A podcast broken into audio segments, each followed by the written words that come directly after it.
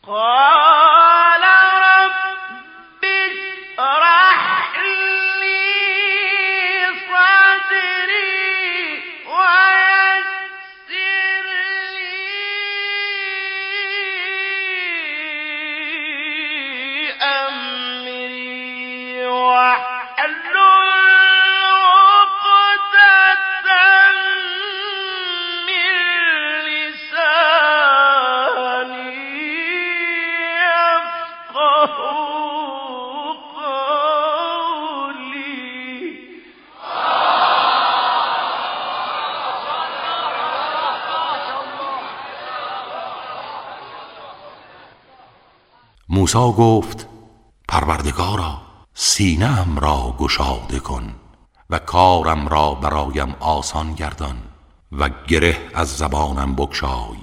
تا سخنان مرا بفهمند